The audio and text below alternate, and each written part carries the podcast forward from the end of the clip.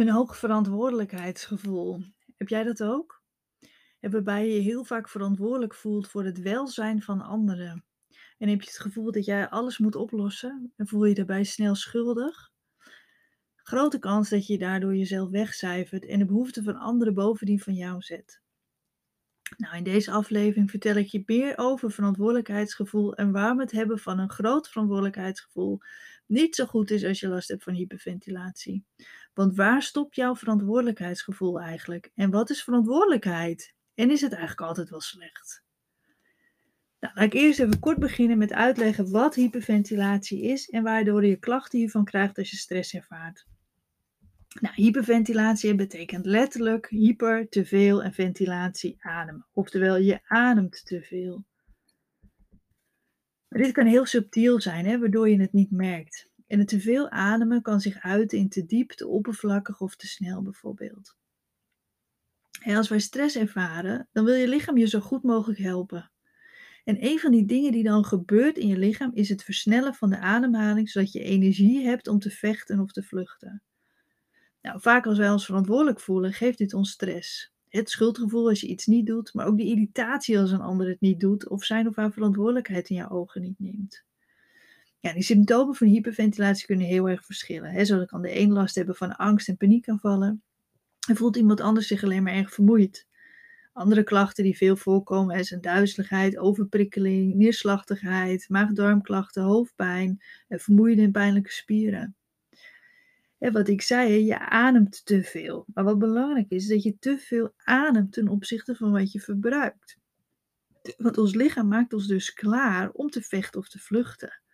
Maar op het moment dat jij je dus irriteert op, die, op dat verantwoordelijkheidsgevoel, hè, omdat de ander het niet doet en dan moet je het zelf weer doen of wat dan ook. En dan, dan maak je stress aan.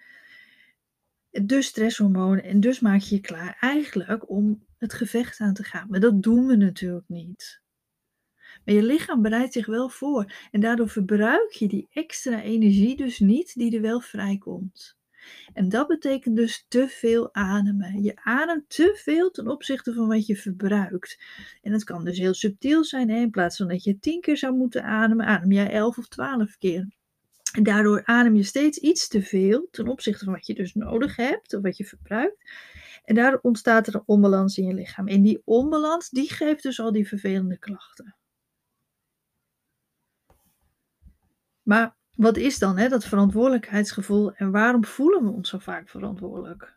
Nou, je bent verantwoordelijk hè, als je, ik het lijstje opnoemen, je je afspraken, niet, uh, je, je afspraken wel nakomt en altijd je best doet om dit zo goed mogelijk te doen. Je bent plichtsgetrouw en betrouwbaar. Je eigen verantwoordelijkheid die neem je op jezelf. Dingen die je niet aan een ander afgeeft, maar het zelf oplost als je dit kunt. Je fouten kunt toegeven en herstellen. En je bent bereid aansprakelijk gesteld te worden voor je keuzes. De verantwoordelijkheid van een ander laat je ook bij de ander. Als je eerlijk naar jezelf bent, je grenzen kunt aangeven. En verantwoordelijkheid nemen gaat over wel overwogen keuzes maken en daar ook naar handelen. Dus voel jij je vaak verantwoordelijk? Dan heb je dit al vaak vanuit je vroege jeugd. Hè? Is, dat, uh, is dat gekomen? Of sommigen die ontwikkelen dat later. En vraag jezelf eens af waardoor het komt dat je dit vaak voelt. Ja, waar komt dat vandaan? Dat je, dat je de behoefte hebt om, om eigenlijk alles zelf te regelen en alles zelf te doen. En oververantwoordelijkheid, hè? want verantwoordelijkheid, dat is een supermooie kwaliteit. Maar het is ook tevens een valkuil. Wanneer je te veel verantwoordelijkheid neemt, heb je een te groot verantwoordelijkheidsgevoel. En je gaat je dan te veel verantwoordelijk voelen voor alles en nog wat. En dat gevoel, dat geeft weer stress. Na stress geeft het ook heel vaak irritatie. want je wilt wel dat een ander het doet, maar ze doen het niet. Of ze doen het niet goed genoeg. En dus dan doe je het zelf wel weer. En dit gaat vaak ten koste van je eigen rust, plezier en ontspanning. In plaats van even rustig een boekje lezen, ga jij toch weer de keuken opruimen bijvoorbeeld. Terwijl je dan irriteert aan degene die het ook had kunnen doen. Vaak komt dit gevoel voort uit ervaringen met afwijzing in je jeugd, bijvoorbeeld pesten of andere situaties waarin je niet jezelf kon zijn. Maar ook een perfectionistische aanleg kunnen hierin meespelen. Zelf doe je het vaak namelijk beter en sneller. Dat. Er zijn echt heel veel mensen die nu luisteren. Ja, volgens mij heb je het over mij. Onderliggende patronen van oververantwoordelijkheid, die zijn, hè, ik zal weer een lijstje opnoemen. Je hebt veel behoefte aan de waardering van anderen. Je bent bang voor afwijzing. Nou, kritiek wil je het liefst vermijden. Je bent bang om te falen. Ja zeggen is heel makkelijk tegen anderen door je eigen behoeftes wegcijfert. Je voelt je snel schuldig. Je wilt het graag goed doen. Perfectionisme, je doet het zelf beter en sneller dan een ander, dus kan je het net zo goed zelf doen. Want anders moet je het alsnog doen, hè, denken we dan vaak. de controle hou je heel graag in je eigen handen. Je bent een controlfreak. Loslaten is heel lastig. Bijvoorbeeld, je ouders konden niet goed genoeg voor je zorgen, waardoor je een scheef beeld van verantwoordelijkheid hebt gekregen. En dat zijn allemaal onderliggende patronen die, uh, die kunnen zorgen voor dat oververantwoordelijkheidsgevoel. Een kwaliteit in plaats van een valkuil. Er komt een te groot verantwoordelijkheidsgevoel je bekend voor. Ik zie het echt super vaak bij mensen met hyperventilatie. Het is een hele mooie eigenschap. Maar als jij vaker dingen wat meer los zou kunnen laten, zou dat voor je klachten heel veel schelen.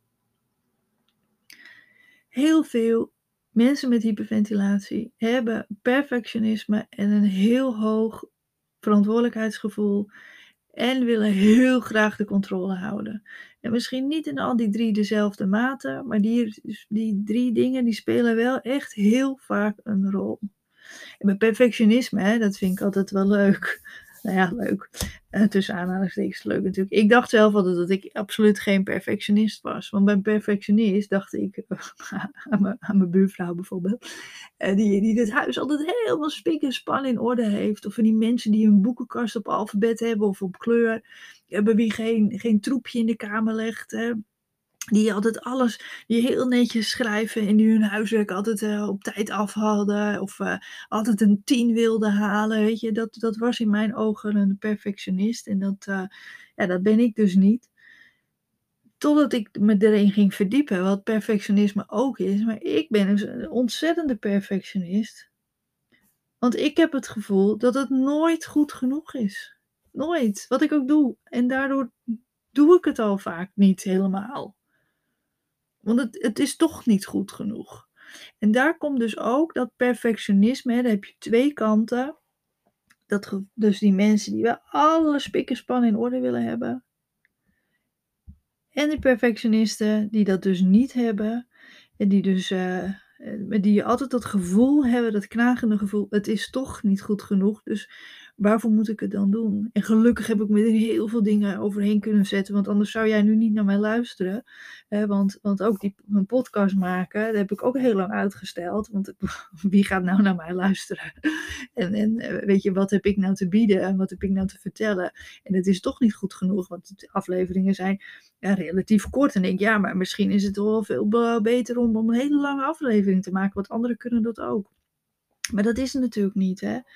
Uh, want uh, gelukkig krijg ik heel veel lieve berichtjes van jullie dat jullie zo blij zijn met de podcast. En misschien vind je het helemaal niks en luister je nu één keer naar die, naar die Nicole die zit uit de nek te lullen. Die vind, vindt het helemaal niks en dat is ook prima.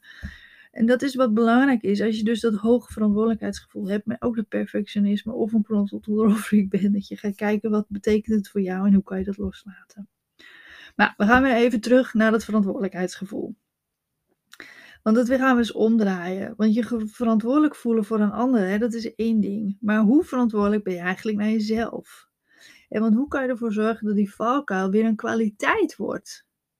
Want het is meestal een ingesleten patroon en dat kost wel tijd om dit om te buigen. Dus, kom weer een lijstje. Wanneer ben je verantwoordelijk naar jezelf? Nou, dat ben je als je voor jezelf de beste keuze kunt maken. Jezelf tot een prioriteit maakt in gezondheid, rust en ontspanning de verantwoordelijkheid van een ander bij de ander laat, eerlijk bent naar jezelf, wat wil je wel, wat wil je niet, en je grenzen kunt aangeven en je daaraan ook aan kunt houden. En vooral die grenzen aangeven. Bij jouw grenzen en jezelf stopt jouw verantwoordelijkheidsgevoel eigenlijk. Hè?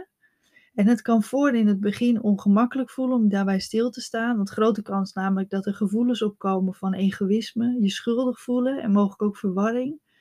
En de angst voor afwijzing, laten we die ook niet vergeten. Wat zullen anderen wel niet van mij denken als ik dit niet meer ga doen? Maar laat je niets aanpraten door dergelijke gevoelens, want het is eigenlijk een extra signaal dat je beter voor jezelf mag zorgen door meer voor jezelf te kiezen. En tuurlijk, we hoeven niet nooit meer wat voor een ander te doen. Maar kijk bij jezelf, waar ga ik mijn grenzen over? En waar houdt mijn verantwoordelijkheidsgevoel op en begint dat bij een ander? En wat kan het doen? Wat, eh, wat voor tips? Hè? Wat, hoe kan je nou zorgen dat je er wat meer ontspannen in gaat staan? Nou, vraag jezelf eens af, hè, wat, wat gebeurt er als jij je zo voelt? Hou dat weer eens een tijdje bij in het dagboek. Irriteer bijvoorbeeld aan de rommel in huis? Voel dan eens wat het doet met je spierspanning en je ademhaling. En noteer dat eens een tijdje. Door je meer bewust van te zijn, kan je het ook eerder en beter herkennen en doorbreken. Want die irritatie, als weer iemand die niet uh, wat heeft opgeruimd, of, of op je werk, dat iemand het weer niet goed doet, dus dan doe ik het zelf wel. Wat doet dat met je? Wat doet het met je ademhaling? Wat doet het met je spierspanning? Als je het herkent, dan kan je het doorbreken. Dus houd het een tijdje bij in je dagboek. Denk je, dagboek, wat moet ik daarmee? Daar heb ik een podcast over opgenomen. Dus die kan je luisteren. Nou, verder, maak duidelijke afspraken met je omgeving. Verdeel taken en maak duidelijke afspraken. En geef hierbij ook de ander de ruimte om zijn of haar verantwoordelijkheid te nemen. want vaak omdat, je het, omdat het zelf doet, dan heeft een ander ook niet eens de mogelijkheid om het te doen. Dus gun die ander ook de ruimte om zelf fouten te maken en om die verantwoordelijkheid te pakken. Nou, verder neem bewust tijd voor jezelf en maak duidelijke afspraken naar jezelf toe wat je wanneer doet. Plan dus naast die werkzaamheden ook echt tijd voor jezelf in. En net als andere afspraken waar je, dan, waar je je wel altijd aan houdt, hè, ga je nu ook aan die afspraken met jezelf houden. Dus maak een planning en vandaag tussen 2 en 3 ga ik een boekje lezen. En dan hou je je ook aan. Of wat anders, hè? Sporten of maakt niet uit. Nou, de ander heeft ook een verantwoordelijkheid en realiseer je dat goed.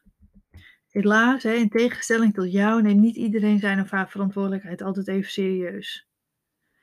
Met als gevolg dat jij of anderen hier soms de dupe van zijn.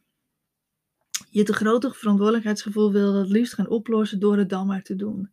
En bedoem daarom vaker je gevoel naar de ander. Soms weten mensen het niet eens, omdat ze het gewoon niet zien. Die voelen dat niet. Die vinden het prima als het huis een troep is of als het werk niet af is. En jij irriteert je er misschien dan aan. Benoem dat ook eens, want een ander heeft het soms niet eens door. Want heb je wel eens gerealiseerd dat je dan, dan je, neemt dan een ander zijn taken op je. Hè? En dat de ander hierdoor misschien geen ruimte meer krijgt om bijvoorbeeld dan zelf aan de slag te gaan. Sterker nog, je houdt het patroon in stand, want de ander hoeft dan ook geen verantwoordelijkheid op zich te nemen. En dat lijkt lekker makkelijk voor die ander, maar ook voor jou, omdat dit een bekend systeem is. Maar op de langere termijn gaat het aan je vreten, omdat je elke keer jezelf opzij zet voor die ander. Hè? Dus benoem het. Dit is waarschijnlijk de lastigste, maar ook de belangrijkste. Probeer dingen vaker los te laten. Vraag jezelf af wat er gebeurt als jij het niet doet. Blijft de wereld draaien? Laat het dan eens los. Dus vraag jezelf af, wat gebeurt er nou als ik het niet doe? Blijft de wereld draaien? Prima. Dan pak jij je rust of ga je wat anders doen. Of je laat de verantwoordelijkheid bij een ander. Dus probeer het vaker los te laten. En dit kan je oefenen. Hè? Kleine stapje, stapje voor stapje. Niet in één keer meteen hele grote dingen. Maar rustig gaan opbouwen. Dus, dit was verantwoordelijkheidsgevoel bij hyperventilatie.